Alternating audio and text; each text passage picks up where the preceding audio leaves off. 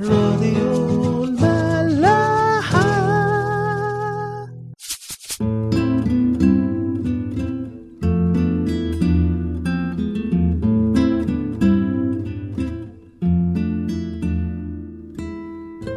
مساء الخير واهلا بيكم في حلقة جديدة من حلقات عيش وملح. بصراحة الجزء اللي جاي لما ركزت في قوة المثل أو الرمز اللي شخص المسيح استخدمه حسيت قد إيه أنا أوقات بشكل شخصي بكون في منتهى السذاجة. ببقى شخصية ساذجة جدا جدا.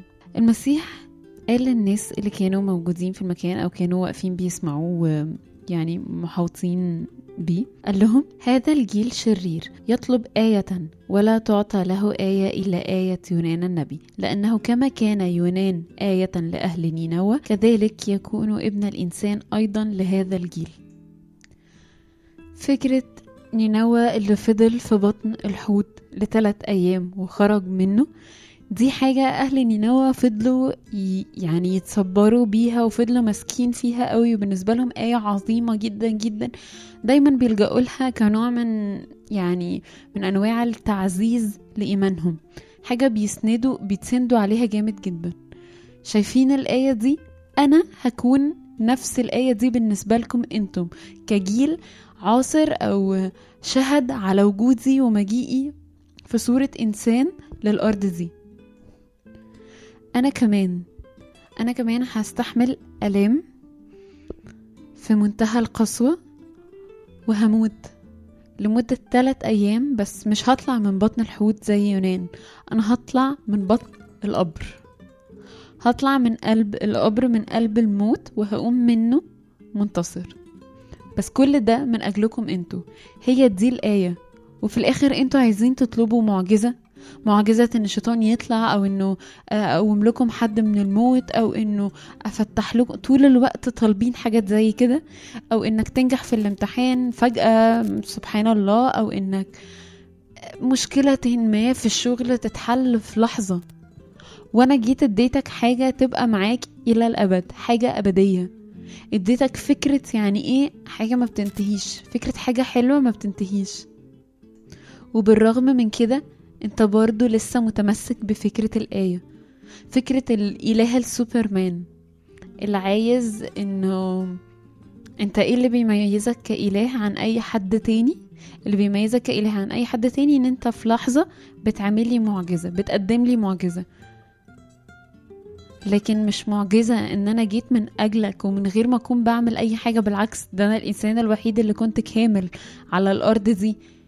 وبرغم من كده كأني كنت بحترم ألامك واتصلبت من أجلك وقمت. هو في حاجة تميزني كإله أكتر من إن أنا أكون بنتصر على الموت بقوم منه بعد كل الألام اللي أنا شفتها؟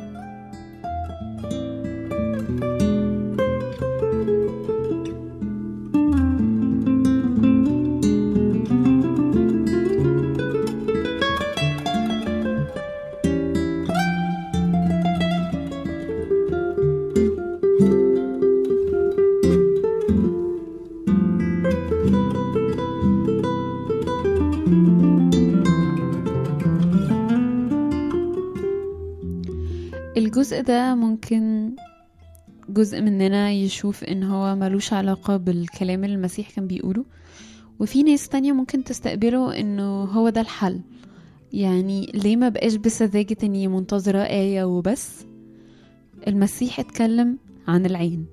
عن قد إيه عيني مهمة قوي علشان أبقى بستقبل الأمور في العلاقة مع شخصه بشكل صح وبشكل سوي والسليم هو قال إن الحل هو العين. قال كده إزاي؟ قال إنه مفيش حد ينفع يحط السراج أو المصباح اللي بينور عند مثلا تحت رجلي أو يبقى يخبيه. طب إزاي الناس اللي داخلة هتشوف من غير ما يكون المصباح ده ظاهر كده وطالع لفوق؟ عينك هي السراج اللي هتبقى بتساعدك تشوف كل حاجة. المسيح قالها كده بمنتهى الوضوح. سراج الجسد هو العين فمتى كانت عينك بسيطة فجسدك كله يكون نيرا ومتى كانت شريرة فجسدك يكون مظلما. عينك هي المقياس لكل حاجة صح وكل حاجة غلط.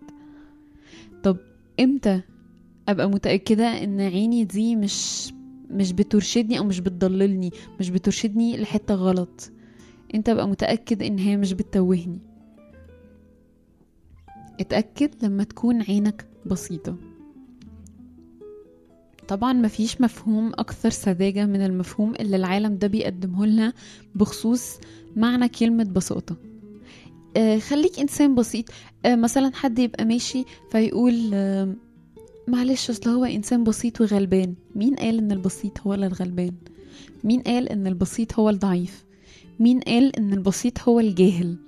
مين قال إن البسيط هو اللي مش معاه؟ اللي مش معاه فلوس اللي مش معاه معرفة اللي مش معاه أي حد مش معاه يبقى بسيط. أي حد بيفتقد حاجة يبقى مش بسيط.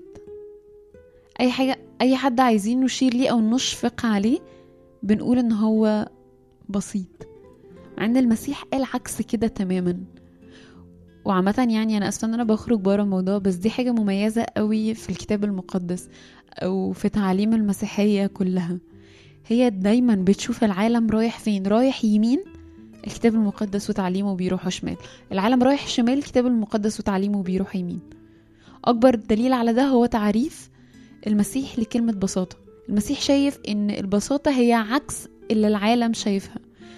هو بيشوف إن البساطة هو إن أنت تكون مركز على حاجة واحدة. هو إن يكون فكرك أو عينك فريدة. شايفة حاجة مختلفة عن العالم عن العالم ده شايفه أصلا. وبينبهك. في الآية 35 بيقول انظر إذا لئلا يكون النور الذي فيك ظلمة. في أوقات كتيرة قوي ممكن نكون شايفين إن عينينا هي اللي بترشدنا وإن عينينا كويسة في حين إن هي تكون بت... بتضللنا.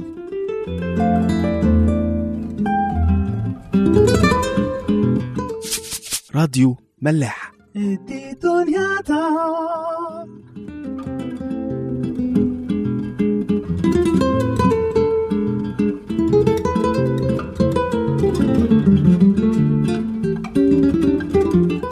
الحقيقة الكتاب المقدس خصوصا العهد الجديد المسيح اتكلم فيه على على البساطة بأشكال مختلفة. حتى لو قررنا ان إحنا ندور على ايات عن البساطة هنلاقي ايات كتيرة و يعني بتشير إلى مدى فعالية البساطة في حياة الانسان المسيحي.